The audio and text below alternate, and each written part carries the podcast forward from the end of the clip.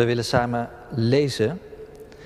De lezing vanochtend gaat, komt uit Marcus, Marcus 7. We lezen dus verder in het evangelie volgens de beschrijving van Marcus. Marcus 7, we lezen eerst vers 1 tot en met 5 en dan 14 tot en met 30. Ook de fariseeën en enkele van de schriftgeleerden die uit Jeruzalem waren gekomen, hielden zich in zijn nabijheid op. En toen ze zagen dat sommige leerlingen brood aten met onreine handen, dat wil zeggen met ongewassen handen, de fariseeën en alle andere joden eten namelijk pas als ze hun handen gewassen hebben, omdat ze zich aan de traditie van hun voorouders houden. En als ze van de markt komen, eten ze pas als ze zich helemaal gewassen hebben. En er zijn nog allerlei andere tradities waaraan ze zich houden, zoals het schoonspoelen van bekers en kruiken en ketels. Toen vroegen de fariseeën en de schriftgeleerden hem, waarom houden uw leerlingen zich niet aan de tradities van onze voorouders? En eten ze hun brood met onreine handen? En dan gaan we verder in vers 14. Nadat hij de menigte weer bij zich had geroepen, zei hij: Luister allemaal naar mij en kom tot inzicht. Niets dat van buitenaf in de mens komt, kan hem onrein maken. Het zijn de dingen die uit de mensen naar buiten komen, die hem onrein maken. Toen hij in huis was binnengegaan, weg van de menigte, vroegen zijn leerlingen hem om uitleg over deze uitspraak. En hij zei tegen hen: Begrijpen ook jullie het dan nog niet? Zien jullie dan niet in dat niets dat van buitenaf in de mens komt hem onrein kan maken? Omdat het niet in zijn hart, maar in zijn maag komt en in de beerput weer verdwijnt. Zo verklaarde hij alle spijzen rein. Hij zei: Wat uit de mens komt, dat maakt hem onrein. Want van binnenuit, uit het hart van de mensen, komen slechte gedachten, ontucht, diefstal, moord, overspel, hebzucht, kwaadaardigheid, bedrog, losbandigheid, afgunst, laster, hoogmoed, dwaasheid. Al deze slechte dingen komen van binnenuit en die maken de mens onrein. Hij ging weg en vertrok naar de omgeving van Tyrus. Daar nam hij zijn intrek in een huis en hoewel hij niet wilde dat iemand dat te weten zou komen, lukte het hem niet om onopgemerkt te blijven. Integendeel, er kwam al meteen een vrouw die over hem gehoord had naar hem toe en zij viel voor zijn voeten neer. Ze had een dochter die door een onreine geest bezeten was. Deze vrouw was van Syro-Fenicische afkomst en geen Jodin. Ze smeekte hem om bij haar dochter de demon uit te drijven. Hij zei tegen haar: Eerst moeten de kinderen genoeg te eten krijgen. Het is niet goed om de kinderen hun brood af te pakken en het aan de honden te voeren. De vrouw antwoordde: Heer, de honden onder de tafel eten toch de kruimels op die de kinderen laten vallen. Hij zei tegen haar: Dat hebt u goed gezegd. Ga naar huis. De demon heeft uw dochter al verlaten. En toen ze thuis kwam, lag haar kind op bed en bleek de demon verdwenen te zijn. Dit is het woord van God. Gemeente van Christus, hier in de kerk en thuis, met ons verbonden. Stel je voor een grote tafel vol met heerlijk eten. En er zit een groep mensen omheen. Maar niemand eet. In plaats daarvan zitten ze te discussiëren. Heb jij je handen eigenlijk wel goed gewassen? vraagt de eerste. En een ander zegt: Jij bent vanochtend toch naar de markt geweest? Heb je wel goed gedoucht toen je terugkwam? En een derde pakt een beker van de tafel, kijkt er goed in, houdt hem even tegen het licht en draait hem om en om. En zegt, ik heb de indruk dat deze beker toch nog niet helemaal goed schoon is. Het lijkt wel alsof er wat vlekjes op de bodem zitten. En zo verstrijkt de tijd. Wat er ook gebeurt, gegeten wordt er niet. En al dat heerlijke eten op tafel, dat staat gewoon te verpieteren. Ik dacht, zou je van de honger kunnen sterven terwijl je aan een tafel zit die vol staat met heerlijk eten? Je zou zeggen van niet. Of zouden je weerstand en je angst zo groot kunnen zijn dat je er gewoon niet toe komt om toe te tasten? En moet je dan eens onder de tafel kijken? Daar lopen een paar hondjes. En ze eten de kruimels die bij het opdienen van de tafel op de grond gevallen zijn. Er is niets wat ze tegenhoudt. Nou, daarmee zijn we eigenlijk midden in de boodschap van Marcus 7 terechtgekomen. Het is een hoofdstuk waarin we twee tafelscènes zien. De ene tafel staat in Capernaum en de andere tafel staat in Tyrus. Dat is dus aan de overkant van die rode lijn op de kaart. Het zijn twee steden die een heel eigen wereld oproepen. Aan de ene kant de wereld van de vroomheid en aan de andere kant de wereld van de vreemdheid. En wat een verrassing. Juist in die vreemde, heidense wereld blijkt iemand te zijn die werkelijk verlangt naar het brood des levens. Ik zei het al, die eerste maaltijd die vindt plaats in de stad Capernaum. En daar is de spreekwoordelijke temperatuur inmiddels behoorlijk opgelopen in Marcus 7. Er is al het nodige gebeurd in de voorgaande hoofdstukken. Heel mooie dingen. Jezus had zieken genezen en hij had verlamden weer laten lopen. Hij had de storm op het meer gestild. En met vijf broden en twee vissen had hij een hele menigte mensen verzadigd. Dat was wat een profeet deed. En wat een profeet was dit. En tegelijkertijd riep juist zijn verkondiging dat wat hij zei heel veel weerstand op. Voor de rekkelijke was die te radicaal. En voor de precieze was die te makkelijk. En volgens sommigen was deze Jezus zelfs een godslasteraar. En zou het beter zijn als hij er helemaal niet meer was. En dat is nou precies de reden waarom de fariseeën aan het begin van hoofdstuk 7 zich in de buurt van Jezus ophouden. Ze willen hem op het heterdaad betrappen. En ze hoeven niet lang te wachten, want als het tijd is om te gaan eten, dan schuift Jezus met zijn leerlingen aan tafel aan en beginnen ze brood te eten met ongewassen handen. Als een stel honden, zou je zeggen. De fariseeën weten niet wat ze zien. Maar het komt ze aan de andere kant ook wel goed uit. Opnieuw een bewijs dat deze rabbi inderdaad niet deugt. En daarom vragen ze hem, zodra de maaltijd afgelopen is, en plein publiek, zeg eens, waarom houden uw leerlingen zich eigenlijk niet aan de tradities van onze voorouders? En eten ze hun brood met onreine handen? Capernaum is de stad van de synagogen. De stad van de brave gelovigen. Met hun regels en hun gewoontes. Waar het voor iedereen duidelijk is wat je wel en wat je niet moet doen. En nu gooit Jezus dat ineens allemaal door elkaar.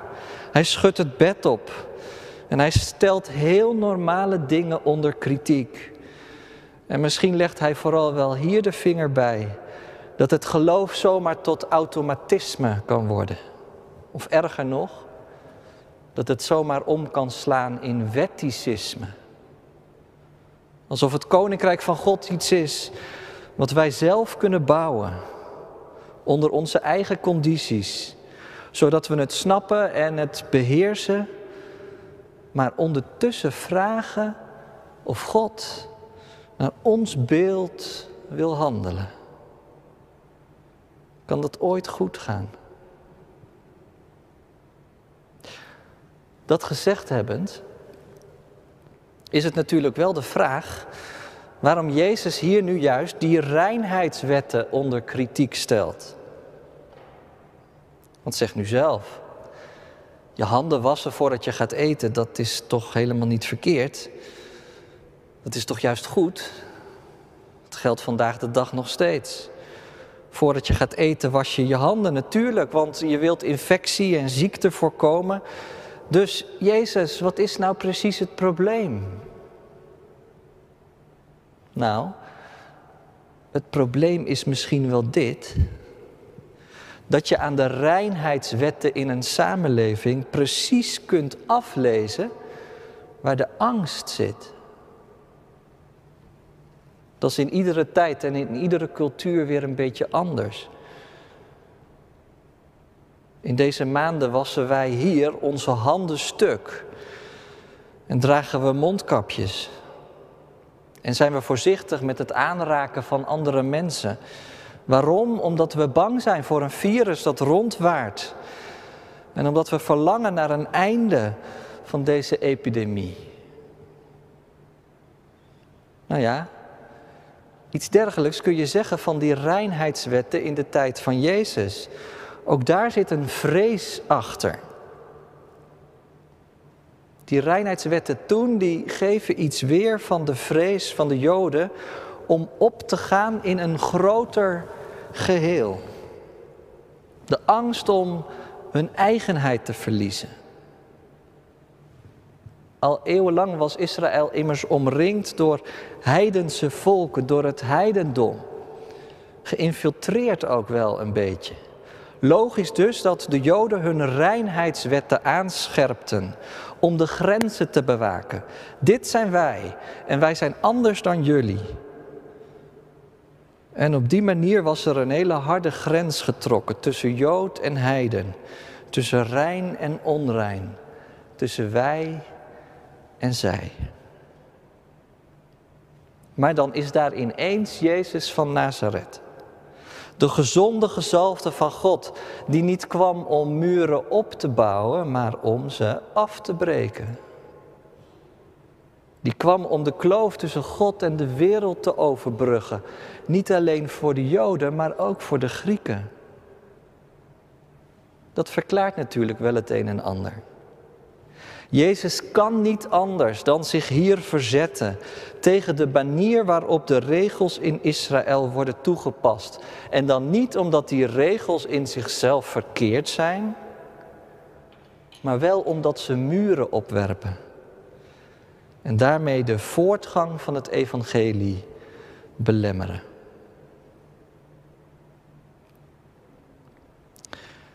Het mag in ieder geval duidelijk zijn dat Jezus in dit verhaal een grens overgaat. Ik las ergens dat de beroemdste Joodse martelaren uit die tijd mensen waren geweest die juist geweigerd hadden om onrein voedsel te eten. Het was hun dood geworden. Dus wat Jezus hier doet, dat lijkt eigenlijk pure heiligschennis te zijn. Wat is het nou waard dat hij dat doet? Nou, het is dit waard. Dat hij door wil steken naar het hart. Jezus wordt ter verantwoording geroepen. En terecht, want die mensenmassa achter hem aan, die heeft het recht om te weten waarom Jezus dit doet. En ze krijgen een antwoord. Allereerst in bedekte termen. Vers 16. Snappen jullie het dan niet? Niets dat van buitenaf in de mens komt, kan hem onrein maken. Maar het zijn juist de dingen die van binnen naar buiten komen, die het probleem zijn. En als Jezus vervolgens met zijn leerlingen een huis ingaat, dan legt hij in alle rust uit wat hij precies bedoelt. Weet je waar het op aankomt, zegt hij? Dat je niet je tafel bewaakt, maar je hart. Ik zei het al, die reinheidswetten die staan niet op zichzelf. Ze verhouden zich op een bepaalde manier tot angsten of verlangens. Ze wijzen op een werkelijke behoefte van mensen. Er ligt een diepere laag onder. Het is prima om je aan tradities en gewoontes te houden. Maar als je nooit eens achter die tradities kijkt en nadenkt over wat ze eigenlijk betekenen en waarom je het doet, dan loop je best een risico om vast te lopen. Ik spreek regelmatig mensen die vastgelopen zijn in het geloof. En soms heeft dat inderdaad hiermee te maken. Dat het voor hun gevoel allemaal zo instrumenteel is geworden. Zo vanzelfsprekend. Het gaat zo vaak over de vorm, over het uiterlijk. Terwijl er over het innerlijk zo lastig gesproken kan worden. Nou, en daar prikt Jezus dus dwars doorheen.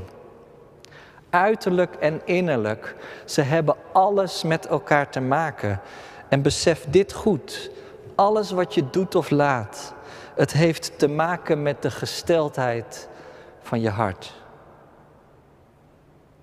En als je die lijst leest van alles wat Jezus zegt, wat er uit je hart kan opkomen, dan weet je wat het werkelijke probleem is. De Britse theoloog Tom Wright gebruikte de metafoor van een huis als hij iets schrijft over dit gedeelte. Het is een huis met een dikke scheur erin. En die scheur die gaat dieper dan alleen een beetje beschadigd metselwerk aan de buitenkant. Nee, de hele constructie is defect. Zelfs als het er op het oog nog wat aardig uitziet, kan het zomaar om een heel dun laagje vernis gaan. Dus als de stormen komen, dan stort dat huis zomaar in. Maar wat Jezus hier eigenlijk zegt is dit: dat Hij niet gekomen is om de boel aan de buitenkant een beetje op te schilderen en het mooi te maken. Nee, Hij is nu juist gekomen om de oorzaak van die scheur aan te pakken. Om een nieuw fundament te leggen onder jou en mijn levenshuis.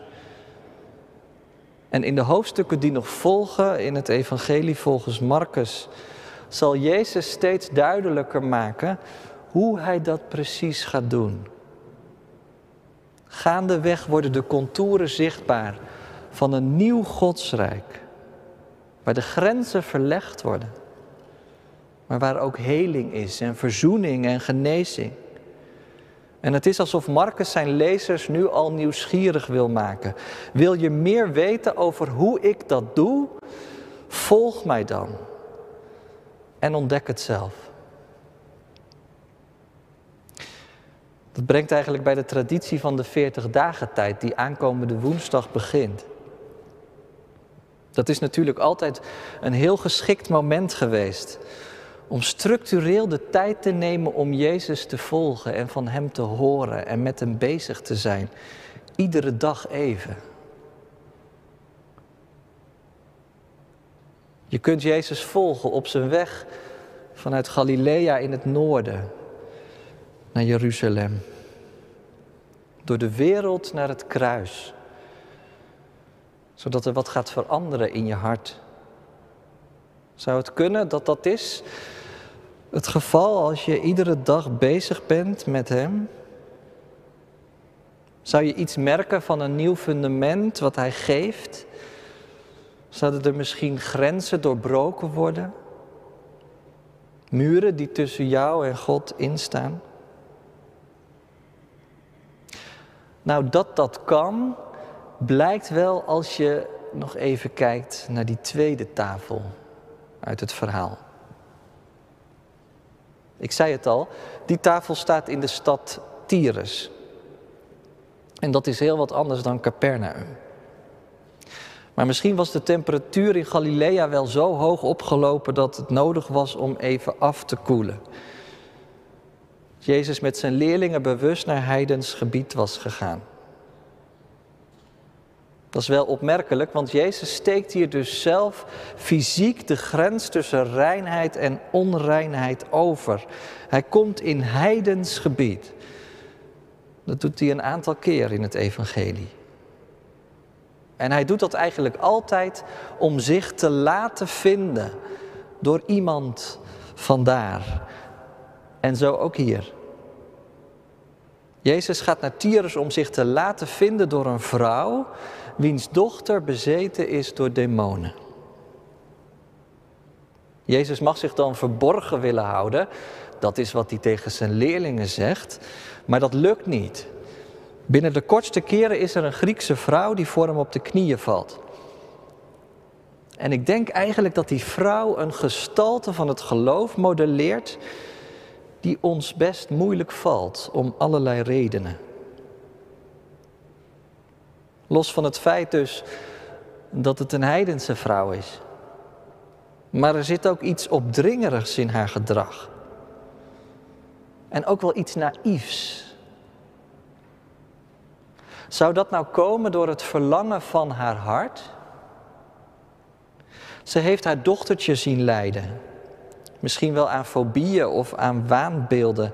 In ieder geval houdt deze vrouw het niet meer. Ze moet naar Jezus toe. De Jezus die gekomen is uit Galilea en waarvan ze gehoord heeft dat hij zieken geneest en dat hij demonen uitwerpt. Ze weet gewoon, ik moet bij hem zijn. En moet je zien hoe het er staat. In drie werkwoorden. Ze hoort over Jezus, ze gaat naar hem toe en ze werpt zich voor hem neer. En dat terwijl ze zelf toch ook wel zal weten dat ze maar heel weinig kans maakt bij een Joodse rabbi. Zij is immers een heidense. Die werden door de Joden wel met honden vergeleken. Onrein, je moest ze op afstand houden. En de leerlingen proberen dat ook als je Matthäus leest, hetzelfde verhaal.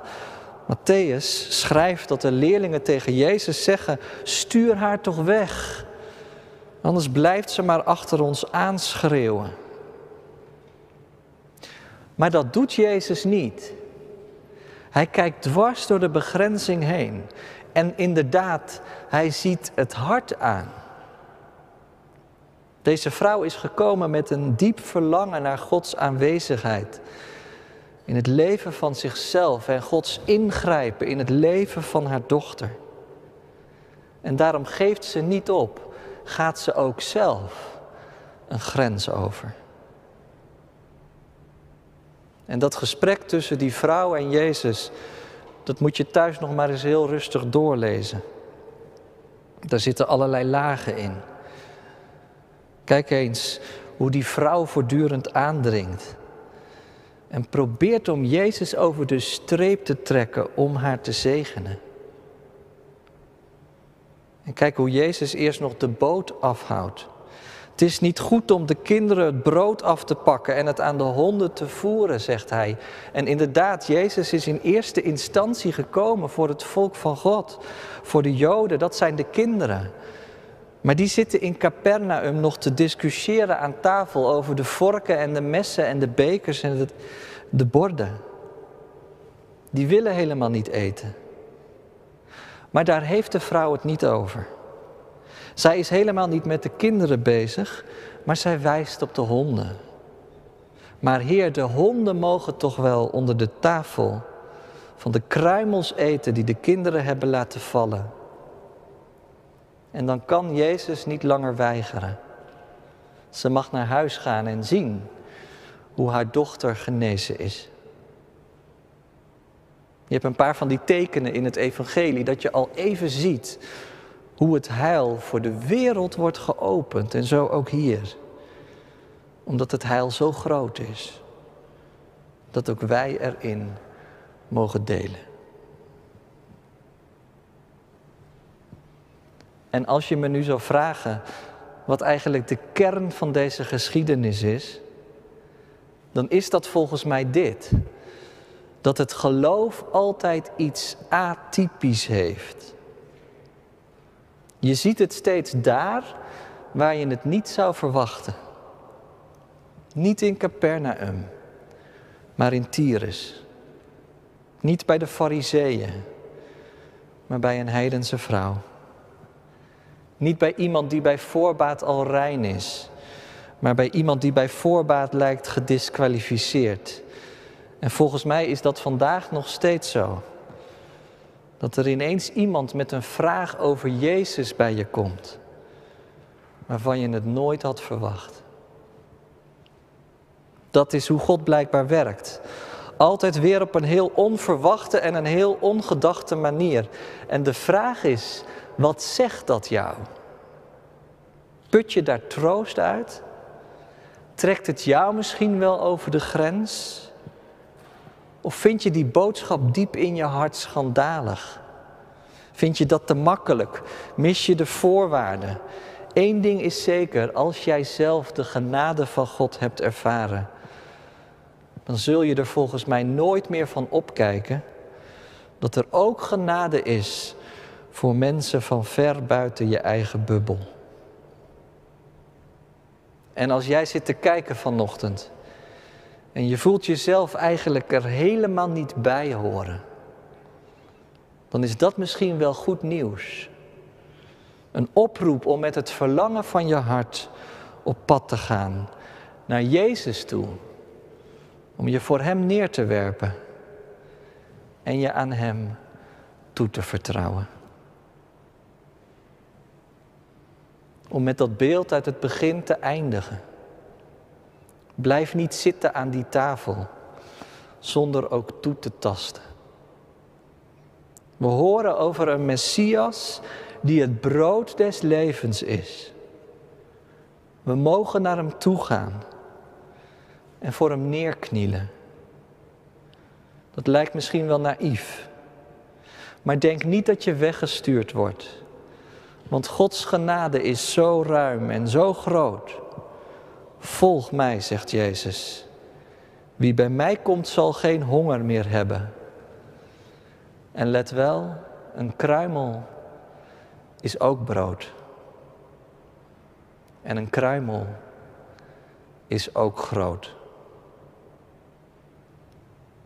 Amen.